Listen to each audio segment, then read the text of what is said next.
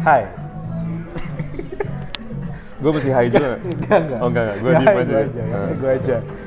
Ya, jadi ini beneran eh, podcast pertama nih yang sama narasumber. Jadi kemarin tuh gue ini Vi. Hmm. Oh ya sebelumnya kenalin dulu. Narasumber kali ini namanya Ahmad Faik.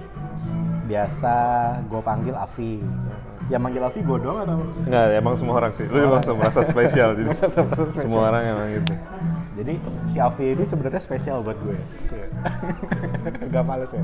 Kenapa? Tapi bisa dikat kan ntar bagian Ya, ini? bisa. Oh bisa, bisa. Ya, aman, aman. Kenapa spesial? Karena eh, gue temenan sama Avi udah lama dari SMA. Waktu itu kita SMA di mana? Ya itu yang banjir mulu lah. Banjir mulu. Yang banjir mulu itu Kita lah. SMA waktu itu di SMA 8 Jakarta, lanjut ke UI juga satu fakultas, Hmm. dan kerja alhamdulillah sih nggak bareng. Kalau sampai kerja juga bareng udah Nah ini, ini bahaya tuh kalau itu. Nah. Nah sedikit perkenalan tentang Avi ya. Jadi Avi ini gue kenal waktu kelas 2 SMA pertama kali. Di kelas 2 SMA ada nih satu orang yang kalau ulangan jelek mulu. Kecuali matematika, bener nggak? Iya mungkin matematika doang. Ya, better. matematika tuh Avi nilainya selalu 98. Better bukan bagus, better. Enggak, lu bagus men. Gue inget banget matematika lu tuh iya. selalu di atas 9. Oh iya, iya. Tapi kalau kayak biologi kimia itu udah wassalamualaikum lah. Udah, udah, udah parah. Udah langganan. Kalau zaman kita dulu ada remet ya. Bener. Udah- Gue daftar duluan sebelum naik keluar. Ulangan sebelum dulu, naik keluar, gue langsung datang. Bu, remetnya kapan gitu Ya langsung. gitu. Ya gue juga nggak pinter-pinter amat sih. Gue dulu eh, menyebutnya itu penguasa papan tengah. Bener, bener. Ya, jadi kayak Iya. belasan-belasan gitu kalau gue. Kalau Afi kan udah 35, 36, 37, Gue 38. zona degradasi lah. Jadi emang gue ada ada deg-degan juga di setiap sekolah tuh di zona degradasi gitu. Tapi menariknya kalau dari Afi ini adalah di SMA itu secara kumulatif memang lebih pintar gua kecuali matematikanya. Tapi semua itu kayak berbalik banget gitu ketika masuk ke perguruan tinggi. Waktu itu kita barengan di Fasilkom UI di Universitas Indonesia. Di sana ini kebalikan nih.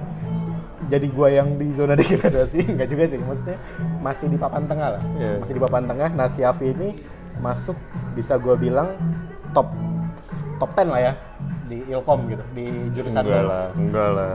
ya kita Top keluarkan ya. yang toki-toki itu lah Oke, oke, oke.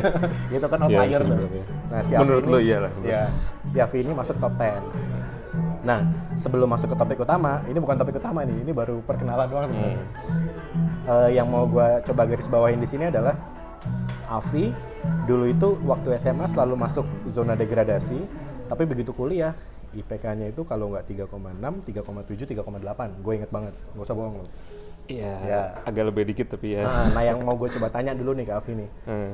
eh seberapa passion waktu itu? Karena kan kita ngambil computer science ya. Lu di computer science gue di information system. Hmm. seberapa menurut lo penting passion itu dalam mengambil kuliah karena gue Oh. lihat switchnya tuh beda banget kayak lu Oke, dari oke. zona degradasi waktu SMA walaupun SMA-nya SMA 8 anyway tapi tetap aja lu di zona degradasi gitu. Iya. tapi ketika lu udah masuk ke perguruan tinggi lu bisa masuk top 10 gitu Hmm. nah menurut lu Vi seberapa penting sih ketika kita kuliah atau kita bekerja itu ngikutin dengan passion kita Nah kalau gue sih dulu waktu milih jurusan tuh karena kan gue waktu SMA udah pernah ikut eh, OSN kan. OSN ya walaupun gak menang itu ya Iya, N-nya bukan bukan nasional gitu. gue sampai kecamatan doang lah OSK ibaratnya. berarti ya? Iya, cuma sebenarnya OSK sih. Cuman ya, ya mungkin dari situ jadi gue mungkin udah ya mungkin beruntungnya gue nemuin passion gue mungkin lebih cepat kali. Hmm, jadi dari situ gue sadar oh ya udah gue emang kayaknya mau ke sini makanya juga gue agak fokus untuk pengembangan diri gue tuh ke arah situ gitu. Hmm, jadi emang kayak pelajaran matematika dulu mungkin gue agak serius gitu karena mungkin karena itu yang penting banget kan Iya. untuk di passion itu gitu kalau mau mengejar itu kalau yang lain-lain emang agak hancur-hancuran lah emang lu tahu sendiri kan dulu ya Iya, jadi tadi Iya, bener. eh, nilai belum keluar udah daftar Bener, amat. bener, remet duluan. Jadi gue nggak usah berharap kayak nama gue udah pasti di dinding gitu lah. yang daftar remet tuh udah, udah pasti lah buat yang lain. Itu Bedanya apa, sih. Maksudnya ketika SMA, Hmm. eh, apa yang lo rasakan dalam diri lo ketika pas SMA lo menjalani Hmm. biologi, kimia, fisika, Oh, fisika eh, mungkin masih iya, masuk iya, lah ya, biologi, kimia, atau mungkin sinematografi. Iya dulu ya sinematografi. Bahasa Jepang. Bahasa Jepang. juga. Apa bedanya dengan ketika lo menjalani eh, ketika kuliah gitu, yang sudah relate ke computer science, Ah, dasar-dasar iya. pemrograman, struktur data algoritma dan lain-lain yang dari dalam diri lo itu apa sih yang beda? Nah itu yang gue belum tahu nih karena gue ya gue kan selalu papan tengah ya di SMA papan tengah Hmm. di kuliah juga masih papan tengah nih jadi gue nggak ada ya bedanya gue cuma ya belajar belajar aja tapi nggak Hmm, merasakan oke. beda yang beda banget. Nah kalau dari lu yang menurut lu beda banget tuh apa sih? Menurut beda banget mungkin per- ya pertama karena gue pernah ikut olimpiade itu kayak gue, gue udah dapat basicnya sih. Jadi gue tuh emang ketika gue belajar di kuliah ya emang pengembangan yang hal-hal yang gue nggak tahu aja gitu. Sedangkan waktu di SMA tuh gue kayak mungkin gue ngerasa gue belajar terlalu banyak sih. Emang gue orangnya kayaknya untuk yang hal-hal yang berurusan dengan kayak multitasking itu emang gue nggak nggak nggak expert lah. Gue emang lebih suka kayak gue mempelajari sesuatu yang lebih yang lebih em, apa ya istilahnya fokus lah. Gue lebih suka itu pekerjaan yang yang fokus. Nah terus juga mungkin dari segi belajarnya juga mungkin gue rasa dulu di Fasilkom orang-orangnya lebih suportif sih. Maksudnya circle-nya. Dulu di SMA kita kebanyakan main sih menurut gue jadi ya, mungkin ya sebenarnya bagus juga sih di SMA circle cuman kita kitanya emang mungkin males gitu. Terus juga mungkin nggak ada pressure kayak oh nih lu lulus habis ini mau nyari kerja gitu-gitu sih. Hmm. By the way, FYI, gara-gara Avi pertama kali gue cabut kelas waktu itu. bukan dulu ngajakin ya? Enggak, beli somai. Oh iya sih benar juga sih. Iya, iya, Ini, iya, iya. ini emang pengaruh buruk nih dalam hidup gue. Hmm. Kalau nggak salah, lu juga jago bahasa Jerman ya waktu itu ya? apa? Bahasa Jerman ya? Jago gue. ya, untuk satu dua pertemuan awal lah. Habis itu gue nggak tahu lagi. Iya, tapi yang lainnya gue udah nggak tahu. Oke, back to topik lagi. Hmm. Eh, jadi singkat cerita, waktu temenan sama Avi sampai kuliah sampai lulus. Nah, ketika udah lulus, Avi ini menurut gua salah satu yang mungkin bukan ha- 100% beruntung ya, tapi karena memang pintar juga mau Beruntung beruntung. enggak enggak lu pintar juga. IP IPK lu berapa men? IPK lu pasti di Iya. atas tiga setengah kan? Nah si Avi ini dari pertama ya langsung keterima di Islam bersih kan? Enggak. Mana Gue tuh yang pertama itu gue di software house dulu. oh software house. Tapi Iya. nggak lama kan? Nggak lama lah. Gue pertama itu tiga bulan software house pertama. Terus yang ada software house kedua itu juga sekitar tiga empat bu lima bulan lah habis itu gue keterima di Islam bersih, Nah, di sampai akhir tahun eh, empat bulan yang lalu. Sampai ya sekitar empat Oh, bulan sampai empat bulan yang lalu. Empat bulan yang lalu. Nah ini menarik. Kenapa? Karena eh, s- berapa tahun tuh? Berarti dua tahun lebih tiga tahun ya? Di gue di Islam bersih empat tahun. empat tahunan Empat tahun empat ya? tahunan Nah, ya Islam bersih kayak who doesn't know Islam bersih kan one of the biggest mungkin the biggest kali ya? Iya, the biggest oil kan, in the service world. company, iya. di Indonesia gua nggak tahu tapi in the world tahu Dia masih one of the satu. biggest oil service company. Dan gua sangat yakin kalau ngeliat dari industrinya ini penghasilannya nggak main-main nih. Aduh. Bener nggak? Main-main enggak penghasilannya nggak main-main. Nggak ada orang kerja di oil service company yang penghasilannya main-main tuh nggak ada. Nah. ya alhamdulillah. lah alhamdulillah lah ya. Yang menarik nih yang menarik buat dibahas di sini adalah sekarang Avi itu sudah mulai eh, membentuk perusahaannya sendiri. Jadi di tengah kehidupannya yang sudah mapan di Islam Bersih, the biggest oil service company. Sebagai apa waktu itu, sorry? gue itu data engineer lah Data engineer. Data engineer, data engineer lagi. Wow, data engineer di Islam Bersih 4 tahun. Hmm. Avi melepas itu, gitu. walaupun waktu itu masih galau-galau ya. Sambil Banget futsal kan curhat-curhat sama gua waktu itu ya. mungkin sampai sekarang juga masih galau dikit sih sebenarnya ya, jadi tapi ya ya sih benar meninggalkan itu semua yang mungkin kalau gue di posisi lo gue gak akan bisa meninggalkan gitu ya kayak sekarang juga gue belum meninggalkan Hmm. Ah, kan, iya, masih iya, ada di benar, zona nyaman gue sebagai eh, pekerja kantoran gitu Hmm. nah yang gue penasaran hal terbesar apa Vi yang membuat lo di tengah kehidupan lo yang mapan di sebagai data engineer di Hmm. Islam Bersih top oil service company ini lo tiba-tiba bisa tak kepikiran lo bangun perusahaan sendiri Hmm. di mana bangun perusahaan sendiri ini mungkin bareng dua atau tiga teman-teman lo ya Iya. Gua pasti kan sebagai temen. CTO pasti kan Hmm, ya, dengan kemampuan teknikal lu yang luar biasa itu. Apa yang membuat eh, lu ketika di, ah, diajak atau lu yang inisiasi? Ah, gue diajak sih. Diajak. Ah, gue diajak. Dan diajak sebagai CTO di boleh disebut ya gelora.id. Boleh, iya. Jadi kalau lu lu Kayak semua lu lu semua mau pesan lapangan olahraga Hmm, atau iya. kegiatan olahraga bisa buka di gelora.id. Pesan sponsor. gue gak bayar kan? Nggak bayar. Oh, nggak bayar. Nanti ya boleh. Nanti kalau Oke, oke. udah laku nah, Boleh, boleh, boleh. Nah, jadi balik ke pertanyaan lagi. Apa Hmm. Vi hal yang sebutin satu aja deh, yang paling gede yang membuat lo, oke, gue harus mulai bikin company gue sendiri nih. Oh gitu. Karena resikonya gede banget menurut gue. Iya sih benar. Hidup zaman sekarang Benar, benar. luar biasa resikonya. Apa Benar, hal benar. terbesar yang membuat lo akhirnya memutuskan, ya, gue pindah, gue sekarang membuat perusahaan gue sendiri. Oh. Jadi sebenarnya gue banyak lihat eh, orang lah pada umumnya mereka itu mau bikin bisnis atau mau start bisnis apa karena pada intinya mereka mau bikin bisnis. Nah menurut gue itu agak salah sih. Jadi em, yang pertama itu yang penting emang tujuannya dulu. Nah nanti baru lu lihat kayak kendaraan lu sampai ke tujuan ini apa gitu. Kalau emang kendaraan lu sampai tujuan ini bukan bikin bisnis, eh, menurut gue itu juga bukan. Jadi bikin bisnis itu bukan ibaratnya silver bullet lah, kayak satu solusi untuk semua tuh bukan. Jadi emang yang pertama itu tujuannya untuk apa dulu. Nah waktu itu emang gue eh, salah satu tujuan gue itu, jadi sebelumnya tuh gue punya komunitas kan, namanya teammates. Nah dari Hmm, situ tahu tuh gua teammate. teammates kan. Nah, dari itu tuh eh, waktu itu usernya banyak sampai sekitar 2000 orang lah. Jadi waktu itu kita cuman kayak main olahraga bareng kan. Nah, terus gue lihat di situ juga kayaknya itu ngasih manfaat buat banyak orang gitu. Nah, akhirnya setelah gue pikir-pikir eh, dan itu juga passion gue kan di oh, Olahraga. olahra- olahraga lah. Lo tau lah gue sering main futsal apa segala macam. Nah, nah dari situ gue pikir ya kenapa gue nggak combine dua passion gue untuk jadi karir gue gitu, Hmm. jadi olahraga sama teknologi. Nah dari situ gue gue bilang oke lah, kayaknya gue mau karir gue itu di teknologi yang berbasis olahraga. Nah cuma kalau kita lihat sekarang di Indonesia, industri olahraganya aja belum belum Ya, kayak belum matang gitu. betul. Gue masalahnya gue nggak bisa juga menjadi pegawai terus gue punya karir ini. Di maksudnya nggak ada juga kantor yang sesuai. Iya, tapi sih. Eh, itu topik lain lah. topik lain bahaya itu. Bahaya. Nah, itu Nanti topik di lain. podcastnya Ateng aja. Iya, Di podcast yang lain, ya, di podcast yang lain.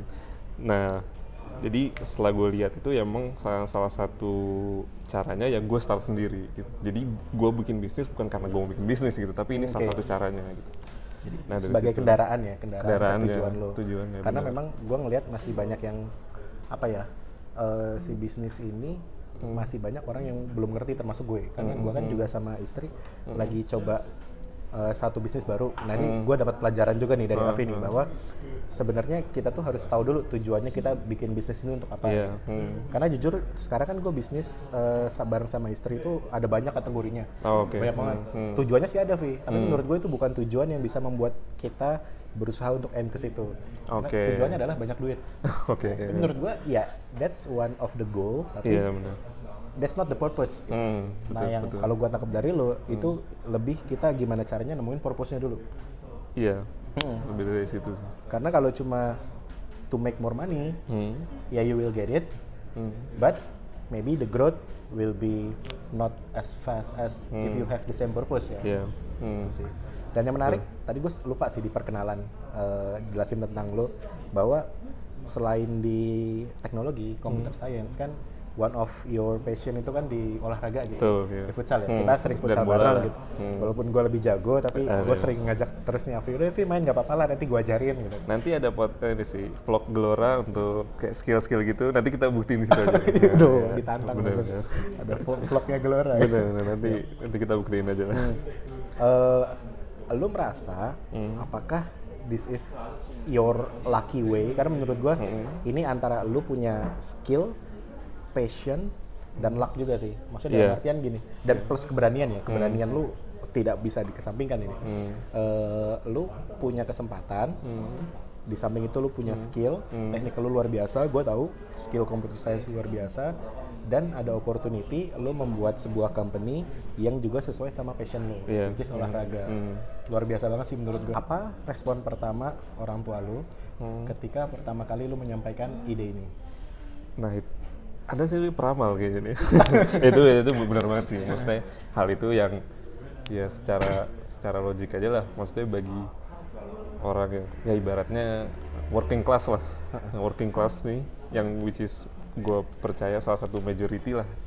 Jadi orang Indonesia ada di working class ini kan untuk ninggalin pekerjaan yang mungkin bahasanya selain mapan lebih enak stable kali ya. Stable, yang betul. stable ya, yang stable untuk coba sesuatu yang resikonya lebih tinggi itu pasti eh, agak berat lah. Apalagi ya pasti orang tua lo juga maunya kan yang terbaik buat lo lah.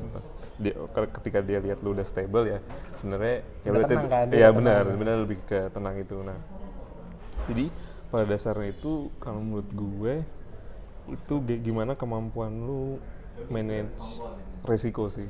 Hmm, jadi eh, kayak lo bikin bisnis kan lo, lo tau lah resikonya itu gede banget apalagi startup. Mungkin salah satu lini bisnis yang resikonya paling tinggi mungkin startup lah. Mungkin kalau rata-rata diambil diambil angka ya mungkin yang berhasil cuma 5% kali yang survive. Sedangkan yang sampai valuasi tinggi kayak unicorn segala macam, mungkin di bawah satu persen lah. Itu emang ini bisnis yang resikonya tinggi banget gitu. Bahkan gue pernah baca satu jokes tuh, eh, lu punya duit sekian tuh eh, mendingan gambling daripada daripada bikin startup sih kalau lu ngikat satu duit doang. gitu ya. Iya benar. Itu returnnya returnnya tuh lebih lebih ini resikonya lebih kecil gitu. Nah, eh, jadi gimana caranya jadi lo harus ibaratnya nge-engineer diri lo sendiri supaya lo bisa ngambil resiko yang lebih tinggi gitu jadi dengan cara itu lo bisa convince orang tua lo kan nah contohnya gue nih gue itu Kata-katanya apa nih kalau boleh tahu nih? nah gue tuh kayak gini jadi waktu gue nilai gue tuh punya niat pertama kali emang gue mau full time itu awal 2018 sebenarnya Ya. Sedangkan gue baru start awal 2019. Nah dalam setahun itu gue emang prepare diri gue supaya gue bisa ngambil resiko yang besar. Contoh, gue nggak nyicil, gue nggak ngambil cicilan Apa pun, anything ya. apa pun. Jadi gue apa pun cicilan yang gue punya saat itu gue lunasin semua. Eh, terus gue gue juga em, nabung lah istilahnya. Jadi gue nggak spend banyak tuh uang di, di 2018 eh, supaya ya gue bisa convince orang tua gue gitu bahwa ya, gue emang punya capability untuk ngambil resiko ini gitu. Hmm, Jadi kalau lu kayak lu nggak prepare apa apa terus kayak hamin dua bulan lu bilang ke orang tua lu gue mau start bisnis nih orang, orang tua lu juga Atau pasti nggak kan seminggu, Mas, Iya. aku udah resign. iya, iya, iya, itu, Besok itu, mau start iya, itu bisnis menurut gitu. gue agak gila sih nah, ini ini buat working class ya Iya. kalau lu bapaknya miliuner gitu Iya, apa nah ini, bebas ini gitu yang mau gua garis bawahi lagi sih. Kenapa gue tertarik juga mengambil Avi sebagai narasumber? Karena yang pertama, gue nggak bisa ngundang narasumber yang Dia yang lebih keren lagi, jadi gue juga tahu sih. Ini sebenarnya ah, supaya narasumber berikutnya nggak nggak jadi berat gitu ya. Ya, bukan itu, nah, itu bercanda.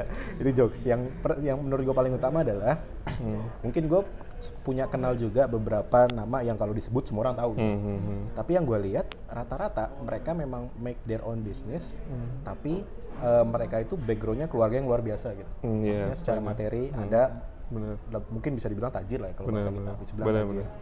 Yang mana walaupun mungkin dari dianya oh enggak gua nggak akan nggak mau lah Hmm. eh, dibantu sama orang tua segala macam tapi secara tidak langsung kan ada backup gitu ya ada Iya, backup yang benar. siap kalau kenapa-napa nih eh, dari sisi keluarga gue masih bisa bantu dorong Hmm, nah itu kan ada ketenangan dan bahkan rata-rata untuk orang yang kelasnya seperti itu Hmm. malah di encourage buat bisnis Iya, karena mereka punya safety net lah. Betul, betul. Karena mungkin kasarannya orang tuanya tidak usah tidak usah bekerja lagi, benar. sudah ada asuransi dan lain-lain, semua sudah aman, sudah Iya, dijamin. benar. Dan kayak misalnya nih yang tajir banget kerja gitu ya, mau dia alumni UI gitu, tiba-tiba dikasih fresh graduate gaji 8 juta, cie, Nah. ada topik kan? Ini, ini beda topik lagi nih ya. bahaya. Dikasih 8 juta kan males kan? iya. Oh, lu ngapain digaji 8 juta fresh Bener, graduate UI? Mending lu start bisnis pasti gitu kan orang tuanya kan. Iya. Nah, kenapa Avi yang menarik dari Avi itu adalah eh, bukan berarti keluarga Avi kekurangan enggak, tapi Avi itu berasal dari keluarga yang bisa gue bilang normal lah, Normal. kebanyakan. Iya. Pada orang kebanyakan ya mungkin sama juga dengan keluarga gue Hmm. yang kondisinya adalah kalau udah stable udah bekerja kayak gue nih benar. ya mungkin sekarang gue juga udah sedang dalam kondisi stable Hmm. kalau tiba-tiba gue bilang ke orang tua gue atau ke istri gue deh kan Hmm, sekarang gue udah nikah nih gue bilang ke istri gue nih lihat lu lihat raut mukanya gitu Hmm. ya yang besok aku resign ya gitu. Hmm. mau start bisnis nih pasti aku makan apa Nah, pasti ya, benar. gitu-gitu itu kan. nggak usah dikira-kira lagi. Itu kayak udah pasti cuman kayak gitu. Nah, tapi kalau Alfi ini Hmm.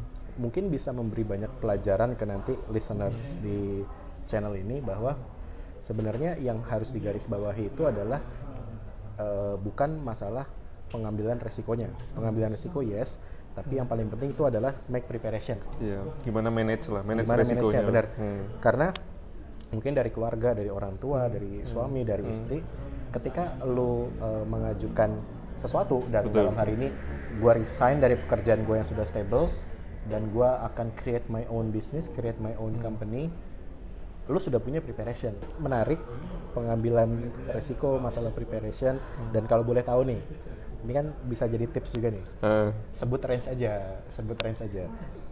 How big yang menurut lu ideal Oke. sebagai part of preparation di umur kita ya? Oke. BDW gua sama Avi ini umurnya di 27 ya tadi? Tujuh kita, di 27. 27. Jadi jangan disamakan kalau misalnya dari salah satu listeners ada yang umurnya 40 tahun itu case-nya beda lagi. Case-nya mungkin udah beda lagi. Bisa mungkin berkali-kali lipat. Benar, benar. Tapi benar. untuk Karena udah beda lagi. kalian-kalian yang masih merasa seumuran sama gua sama Avi di 26 sampai 27 tahun, clue-nya Vi, Hmm.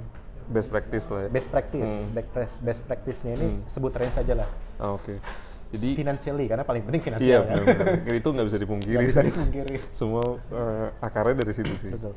Nah jadi em, gua kan tipe, tipe bisnis yang gua ambil itu startup. Biasanya lu lu bisa tahu ini startup bakal works atau enggak itu setahun kira-kira lah. Kalau Ya. diambil rata-rata 12 bulan lah. 12 bulan tuh lu udah gambaran ya. ini works atau bakal failed gitu. Hmm. Jadi kalau misalnya gua, kalau gue kemarin ya gue siapin dana untuk 12 bulan. Jadi 12 Hmm. bulan gue kali, gue per bulan itu gue spend duit berapa sih untuk kebutuhan gue. Nah, itu untuk sekian. kebutuhan selama lu ngejalanin bisnis lu gue sebut periodenya beta testing lah ya satu tahun Iya ya. benar. Hmm. Nah, 12 kali gaji itu apakah untuk periode beta testing atau if amit-amit ya jangan sampai ya if my company fail then I still can live at least 12 month after the fail Oh iya. Nah kalau gue sih 12 12 bulan itu selama ngejalanin company dengan catatan gue worst case gue nggak dapat investment. oke Jadi emang gue gue udah set worst case tuh pendapatan gue bakal nol di 12 bulan Oke. ini. Hmm. Ya untungnya gue berhasil secure uh, investment sih. Jadi ya ya napas lah. Walaupun Napas. gaji kecil tapi seenggaknya buat cover basic lo Iya. sekarang ada. Nah cuman yang duit yang spare itu tetap harus ada sih. Hmm. karena lo nggak nggak pernah tahu apalagi di startup gitu da- uh, dynamic banget kan. Iya, lo nggak akan bisa predik nih kapan ini bakal fail kapan Iya. bakal jadi tetap harus butuh spare. Ya mungkin setahun kayaknya good numbers loh. Setahun 12 kali gaji ya. 12 sekitar 12 kali 12 kali gaji Hmm, berarti rata-rata. untuk secure if you uh, will get uh, no investor at all. Benar. Jadi tetap bisa hidup ya selama Sama 12, 12 bulan, bulan. beta testing tadi. Benar benar. Nah contohnya juga gini sur. Misalnya gini katakan lu tetap secure investment nih. Wah lu bilang wah gue enak nih. Gue per bulan gue bisa dapat gaji tahu-tahu company lu strateginya harus berubah tengah-tengah. Dan lu harus hire orang baru. Yup, which is gaji founder yang pertama kali bakal dikorbanin. Nah jadi walaupun lu dapat investment juga gue tetap tekanin kayaknya bagusnya tetap punya spare ini sih. Oke. Si duit ini. karena founder pasti paling gede dong. Apa? Paling gede dong. Nah ini banyak eh, orang banyak salah. Oh salah, oke. kira sih gimana sebenarnya. gimana? coba sharing dong. Selama ini gue ngerasa founders gitu ya. Regardless kalau yang udah gede kan pasti gede ya. Hmm. maksudnya Iya, regardless itu. Hmm. masih middle level ataupun yang baru startup. Really benar-benar startup kayak lo ini Benar. gue selalu menganggap wow jadi founder paling enggak lumayan lah paling enggak ya gaji eh, market lah. Market ya? Average market lah. Average Nah, market. nah itu pada kenyataannya banyak sebenarnya founder itu biasanya below average. Oke. Karena lu mesti juga dapetin trust dari para investornya gitu. Jadi kalau investor juga lu pitching ke mereka kan lu pasti pitching budget lu, lu duitnya mau dipakai buat apa gitu. Terus lu pasang gaji lu contoh misalnya sebulan 40 juta gitu atau 30 juta ya investor juga ini orang cuma mau duit doang. doang ya, gitu, jangan itu juga bisa nurunin credibility lu. Terus juga em, biasanya sih founder dikasih yang pada umumnya aja lah.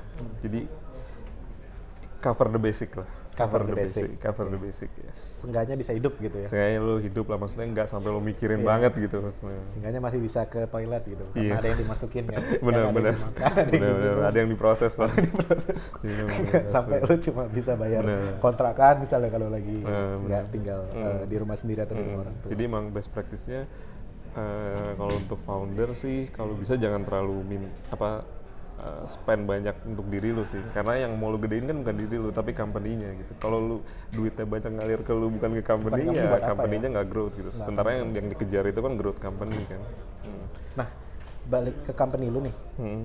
Kan berarti lu mulai empat bulan lalu. Ah, Dan tadi iya, lu sempat mention lu sudah bisa secure di investment. ah At least to cover the basic. Hmm, hmm, hmm. Kapan pertama kali dapat investment? gue secure investment itu Februari Berarti bulan berapa enam bulan? bulan yang lalu lah Oh, berarti sebelum lu jalan ya? sebelum gue jalan gue tapi lu pitching dulu ya. Nah, tapi ya gue pitching tapi kan gua kita kayak isti- ibaratnya kayak ketok palunya mau start tuh dari akhir tahun lalu sih. Oke. Hmm, tapi kan ada masa transisi Yes. lu. Ya lu tau lah kalau mungkin bisnis kadang-kadang ada yang ketunda juga apa segala Hmm. macam. Nah, jadi barengan sama itu ya sekalian pitching aja gitu. Siapa tahu dapat gitu ternyata emang uh, dapat. Jadi kita secure investment pertama gitu karena emang dari founder gue gua bertiga ini uh, bisa dibilang ya masih perlu ada income lah basically jadi untuk go full time waktu itu juga sebenarnya agak berat kalau nggak ada investment gitu semuanya. Jadi waktu itu emang kita sementara part time dulu tuh dari akhir tahun lalu gitu. Kita tetap jalanin tapi part time dulu sambil kita nyari investment. Oke. Yang menarik yang gue mau tahu juga dari perbincangan ini gitu, Hmm.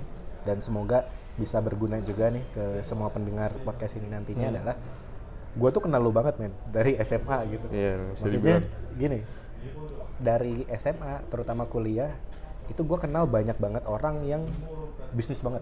Oh, Oke. Mereka kan Hmm, ikut paham. PKM Bener. dan segala macam Hmm, gitu. hmm. Tapi at the end mereka tetap jadi pegawai korporat, pegawai kantoran seperti gua. Gua menyindir diri gua sendiri Hmm. Oke, sebenarnya oke, oke, karena gua ikut lah dulu ada kompetisi bisnis apa, gua pasti Bener, ikut bener. kan dan ada Bener. banyak dari teman-teman kita yang juga pasti Bener. ikut. yang gua lihat mindset bisnisnya udah ada saat itu, Hmm, saat itu ya. Tapi ternyata seorang Avi, gitu, lu kalau di angkatan kita satu-satunya ya yang udah create company ya, ya kan? Nggak ada lagi kan? Mungkin ada lagi kali ya. Yang nggak Ah, ada. usaha kayak kalau Ya- kalau ya bisnis usaha. banyak. Kalau ini kan eh, lebih condong ke startup company lah ya. Company iya, mungkin ya. You are the only one dari 300 ya. 200-an. 250 ya. 250 sampai 300 Mungkin, ya. fas- Fakultas Ilmu Komputer UI angkatan 2010 Hmm. yang sudah meng-create your own startup Hmm. company gitu. Switch lu tuh kapan? Karena gue nggak ngeliat nih. Gue tahu switch lu tuh ketika lu udah switch. Lu cerita sama gue kan waktu itu. Oh kan. iya iya benar. dari teammates, Iya, lu bener, mulai bener, komunitas bener. teammates segala macam. Tapi gue tidak, mungkin karena kita nggak satu company dan lu kerja di mana, gue kerja di mana, gue sempat di luar kota kan waktu itu. Kapan kalau lu boleh sharing dan momen apa yang membuat lu switch kayak, kayaknya gue nggak bisa nih Hmm. terus, Oke, oke. gue harus uh, follow my passion Hmm, dengan create my own startup company gitu. Hmm. Jadi mungkin yang ngebuat gue ngebuka pikiran gue ke arah bisnis mungkin dari company gue yang sebelumnya sih. Jadi waktu Selam Bersih. ah, Bersih itu kan tipenya service company kan, which is ya ini sekalian juga sih tips sih. Sebenarnya untuk nge-start karir di service company itu menurut gue bagus. Maksudnya dari pengalaman gue ya, karena wawasan lu kebuka banget, lu ketemu banyak klien, jadi lu nggak tahu cuma satu scope bisnis aja, tapi lu bisa banyak banyak tahu tentang banyak lini bisnis lah. Nah, bagusnya itu juga si Bersih itu dia uh, walaupun lo engineer, tapi lo juga dilibatin di sales, dilibatin lo kayak ketemu klien kayak gitu. Jadi lo tahu end to end bisnisnya lah. Nah, setelah gue tahu end to end bisnisnya, gue pikir uh, terus maksudnya gue tahu gimana caranya company-company itu berjalan ya. Jadi untuk pribadi itu emang bagusnya lo punya skill yang le- lebar gitu sih untuk Oke. awal-awal. Jadi ya walaupun kecuali lo menjadi spesialis ya, emang Ya, oke ya. lo menjadi sini, tapi secara general kalau lo bisa tahu walaupun lo tahu dikit-dikit aja gitu, marketing lo tahu dikit, sales lo tahu dikit, nah, jadi itu ngemudahin lo untuk kayak oke lah, gue di di umur 30-an gue mau ke sini gitu. Tapi kalau lo sebelumnya lo nggak nggak pernah tahu, nah itu agak agak susah sih. lo ya. bisa lo terjebak. Lu lu pikir passion lu di situ, lu Ya, pikir keahlian lu di situ, lu udah ngedalamin ternyata Karena passion lu lu bukan di situ. terkungkung di tembok itu Benar, aja. benar, itu yang bahas. Lo Nah, di iya. engineer ya di engineer aja. Engineer Cuma aja karena gitu. Hmm. tadi lo di service company, jadi mau nggak mau kan lo harus paham ujung ke ujung. benar benar nah jadi waktu gua tahu ujung ke ujung gitu tentang life cycle, life cycle bisnis lah secara keseluruhan akhirnya gue sadar bahwa passion gua itu sebenarnya em, di penggu bukan penggunaan ya. Apa bahasa Indonesia? Gue lupa. Apa? Bahasa Inggrisnya apa? Bahasa Inggrisnya apa? kayak optimisasi teknologi itu sendiri. Oh, teknologi utilization, bener. Jadi selama ini gue pikir passion gue itu eh, di programming. di programmingnya gitu lebih ke teknikal ya. Tapi ternyata setelah gue coba itu ternyata gue lebih enjoy. Kayaknya gue lebih suka di orang yang mengaplikasikan teknologinya lah gitu. Nah jadi ketika gue udah punya basic teknologinya terus kemarin gue sempat kerja di sana gue tahu sisi bisnisnya ya udah gue pikir ya udah gue combine aja gitu. Makanya gue ngambil role CTO karena CTO itu pada intinya lu ada di tengah-tengah kan Yep. sebenarnya. Menjembatani antara bisnis sama implement- implementasi teknologi lah. Nah dari situ kayak gue temuin ya gue switchnya di situ sih. Jadi ketika gue tahu udah tahu end to endnya baru gue bisa menentukan oh ternyata gue Oke. lebih cocok di sini. Kalau gua boleh coba simpulkan dari cerita lu yang tadi, Hmm. Berarti mungkin sebenarnya lu itu dari dulu sudah punya mindset bisnis gitu. At, at least the Iya. basic gitu. Hmm. The basic gitu. Hmm. Sehingga ketika lu bekerja di oil service company kan berarti lu melihat opportunity. iya benar-benar Nah, yang paling penting nih uh, adalah kalau menurut gua Hmm. bagaimana dan kapan kita bisa melihat opportunity. Benar. Kalau nggak ada, gua nggak ngelihat ini sebagai opportunity, gua kan nggak akan. Lu melihat skill lu ada dengan background teknologi lu dan lu juga mengenrich capability lu dengan end to end knowledge di company lu ketika lu bekerja ditambah dengan opportunity. Opportunity yang lu lihat, gue ingat waktu lu sempat cerita bahwa industri olahraga ini masih sangat bisa digarap, Sur. Benar. Lo pernah ngomong ke gue waktu itu, sehabis gue mencetak gol ketiga waktu itu. Oh, kalau ketiga, eh, gawang sendiri. Gawang sendiri. Di saat itu lo pernah cerita, iya nih sebenarnya oke banget nih sur digarap gitu. Berarti kan di situ ada passion dan juga opportunity sehingga membuat lo melangkah buat memulai bisnis. At least lo memulai preparationnya dulu ya kan. Hmm. Lo memulai segala macam preparation untuk lo memulai your business. Gitu ya kurang lebih ya. Iya. Jadi emang em, sebenarnya semua orang itu hampir semua orang maksudnya terekspos dengan eh, bisa dibilang lingkungan yang sama lah. Nah cuma perbedaannya tuh orang yang punya skill itu dia jadi lihat opportunity-nya. Oke. Contohnya misalnya ya Oke. kita sebut aja lah, misalnya founder Gojek lah, nah, Nadim. Ya maksud gue hampir semua orang di Indonesia ke expose sama ojek Iya. sebelum ada Gojek.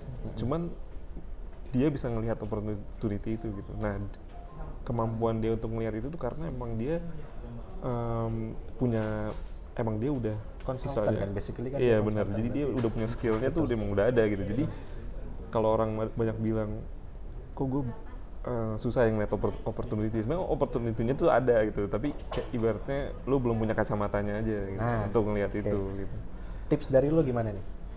Tuh, karena gini, Hmm. orang itu banyak yang mau jadi businessman. oke hmm. At least start the business or at least uh, start the company, start Bener, dulu gitu. hmm. Almost everyone. Cuma kan yang jadi masalah dan tadi lu udah sempat mention dan Hmm. ini benar banget menurut gua kesempatan ngeliat opportunity karena kalau ada opportunity tapi kecil Benar. pasti nggak akan berani gitu. Hmm. At least untuk usaha aja kayak malah ngapain sih Iya. opportunity Hmm. kecil gitu. Tapi tips dari lo gimana nih supaya kita kami-kami yang belum uh, memulai the company Hmm. ataupun yang mungkin belum punya usaha sampingan sama sekali itu untuk bisa menemukan opportunity yang nantinya akan bisa men-trigger dia untuk first step gitu. Untuk Hmm. Oh, melangkah oke. memulai usahanya atau memulai bisnisnya dia. Hmm. Menurut gua sih yang paling penting mungkin di penggunaan free time dulu sih. Oke. Hmm, ya. Jadi Oh, ini kena banget dulu nih. tuh Sumpah ini kena banget nih. dulu tuh kenapa gue juga sempet sempet benar-benar switch mau bikin oke gue kayaknya mau coba bikin uh, company sendiri gitu. Which is sebenarnya gue nggak tahu juga. Bahkan sampai sekarang gue juga nggak tahu uh, bakal sukses apa enggak gitu. Tapi kan emang ya namanya kita usaha lah. Tapi uh, gue nemuin titik itunya tuh gue tuh dulu sehari ya waktu itu emang sih keadaannya bisnisnya lagi low lah. Kan oil and gas pernah Hmm. Oil and gas pernah lagi turun payung ya? jadi emang kerjaan juga nggak banyak nah cuma dalam kondisi kayak gitu kan ya itu kembali ke pilihan masing-masing kan lo punya banyak free time tapi mau dipakai buat apa gitu kan Hmm. nah itu gue banyak baca tentang artikel tentang startup sih Oke. jadi kalau ada yang tahu eh, Paul Graham itu salah Hmm. satu SI-SI-nya tuh banyak banget lah itu gue gue baca habis terus eh, dulu lagi hot-hotnya tuh Medium medium dot medium.com Oh, medium.com Nah, ya. tahu kan? tahu. nah itu tuh gue juga baca semua walaupun menurut gue 80% artikelnya kayaknya kurang sih tapi yang 20% tuh ketika lo dapet artikel yang bagus tuh emang bagus banget terus kayak Tech in Asia gue juga sering baca terus kalau yang lokal Daily Social kan Daily Social. Hmm, jadi gue baca terus semua gitu Dengarkan wahai istriku yang di sana sedang merekam percakapan ini. ya kadang-kadang teman gue nih bercanda lu ngapa sih baca ginian gabut banget lu ya, Ya, kayak kayak kayak gitu kan tapi sebenarnya hmm, ya itu sih eh, apa yang gue lihat tuh tentang si penggunaan free time-nya itu sih Hmm, benar sih. kayak gitu. Karena gua untuk memulai sesuatu yang sedang kita lakukan sekarang ini Hmm. sebenarnya kena banget tadi penggunaan free time karena yang gue lakukan ketika benar-benar nggak ada apa-apa atau at least gue lagi nyetir ke kantor gitu. Mhm. Biasanya kan gue dengerin radio-radio yang Oh, iya. lagunya atau Mhm. apa. gitu. Nggak salah juga kan asik kan Iya, yang benar. untuk bikin fokus nyetirnya. Benar. Tapi gue mulai coba lihat nih karena gini Vi, gue itu kan dari pertama kali kerja sampai Hmm. sekarang detik ini, ini tuh kan selalu di bidang digital oh digital ya teknologi dan digital, mostly ke digital sih, Hmm. ke digital partnya daripada teknologi partnya. Nah, gue tuh sudah banyak banget mengerjakan portfolio-portfolio gue di kantor Hmm. yang alhamdulillah works lah ya makanya Oke, sudah bisa pindah-pindah company Hmm, gitu hmm, hmm. alhamdulillah Alhamdulillah. nah tapi yang agak menusuk hati gue adalah ketika gue lihat salary gue sekarang Hmm. ini bukan tidak bersyukur ya I'm uh, very pleased with my salary right now Hmm. tapi ketika ada orang yang cuma ngupload video ikan cupang Oh iya, gua tahu tuh. ada nih orang upload Bener, video bener. ikan cupang Bener. ke YouTube viewersnya itu sampai 7 million 7 million 7 juta 7 juta ya. 7 juta viewers yang kalau kita korelasikan ke AdSense-nya Hmm. udah kebayang dong Hmm, ada ya, berapa banyak puluh juta yang masuk Hmm. kantongnya dia gitu Hmm. nah gue langsung tertohok sih kayak ini anak mungkin ya itu kalau itu murni luck lah ya Iya. itu murni luck tapi maksud gue at least dia tahu caranya untuk mendapatkan uang Hmm. dengan keberuntungan dia kayak udah gue upload dulu aja lah Hmm. nanti kalau dapat alhamdulillah kalau enggak juga dia kan nanti Hmm. tulus Hmm. sedangkan gua yang mengaku di CV gua di portfolio gua I'm a digital expert Hmm. tapi I cannot make any money through digital Ah, Oke. beside my corporate salary Hmm, nah itu yang wah ya kayak apa ya kayak gue merasa tertendang gitu dari Hmm, belakang dengan fakta-fakta itu tapi emang konten creation ini menurut gue emang gila sih booming banget sih di di Indonesia. Nah, cuman yang gue lihat banyak berhasil tuh kontennya bisa dibilang apa ya? Ya positif sih, tapi Betul. tapi bukan yang meaningful gitu loh kebanyakan. Iya. Bener, Ada jadi- kalau menurut gue sih ada dua sih. Hmm. Antara yang tadi yang pertama yang lo sebut atau yang nggak jelas sama sekali. Iya itu juga bisa cepet naik lah. Itu bener- bener-bener emang dia eh, ibaratnya matrix hidup dia tuh oke oke gue mau ngejar duitnya aja Ya, lah. ada duitnya aja. Iya gitu. bener-bener. Ya tapi eh, ya dia mendapatkan sesuatu dari itu Bener, anyway bener. kan. Iya nggak salah sih. salah. Nggak salah sih. Bisa jadi mata pencarian. Bener, bener, bener. Nah, eh, sebagai penutup nih karena tidak terasa loh. Kalau lihat laptop 44 menit. 44 menit loh. Lama juga. BTW sebelum gue tutup ini prestasi banget Avi bisa di videoin selama 44 menit karena Kacau. dulu tuh selingan sedikit zaman-zaman kita masih mahasiswa ya Hmm.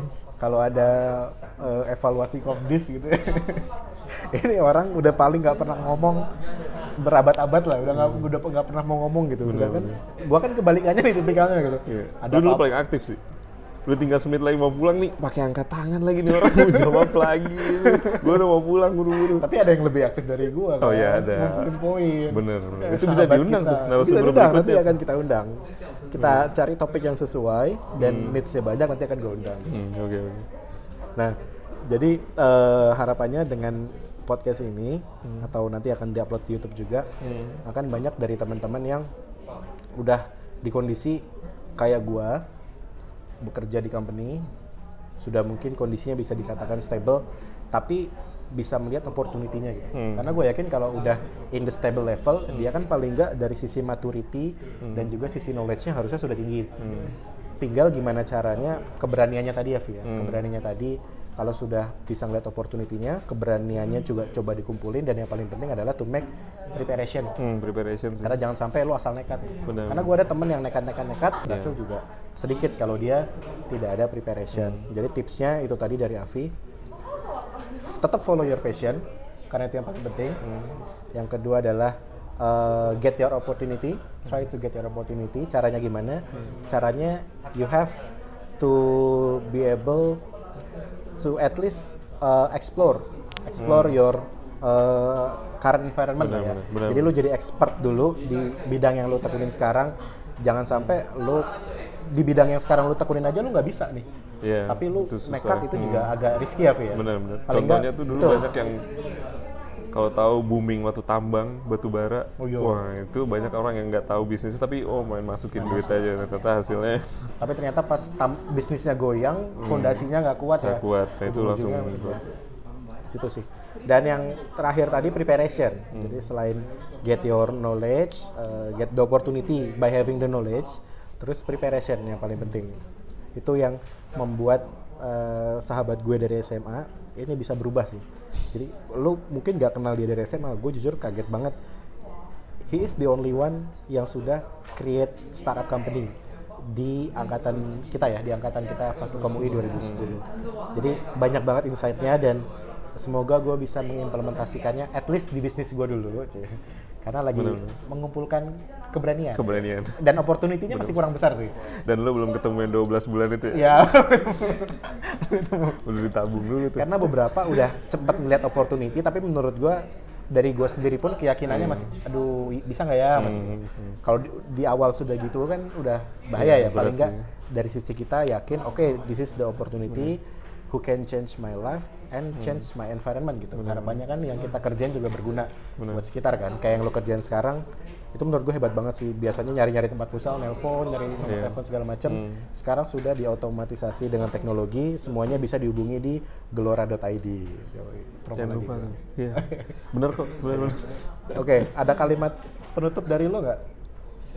Ehm, kalimat penutup. Gue sengaja sih karena gue tahu dia. Iya. Kalau kalau Lu sharing dia bisa, tapi kalau interview harus kayak ada apa saya naskah dulu atau apa ini ini aduh. gue sengaja ngerjain dia karena dia nggak bisa nih yang apa gitu. ya kalau tutup mungkin Nggak bisa dia. perhatiin juga faktor timing sih. Oke, timing. Kenapa dengan timing? karena idea yang benar eksekusi yang benar tapi di timing yang salah tuh Oke, biasanya juga timing ya.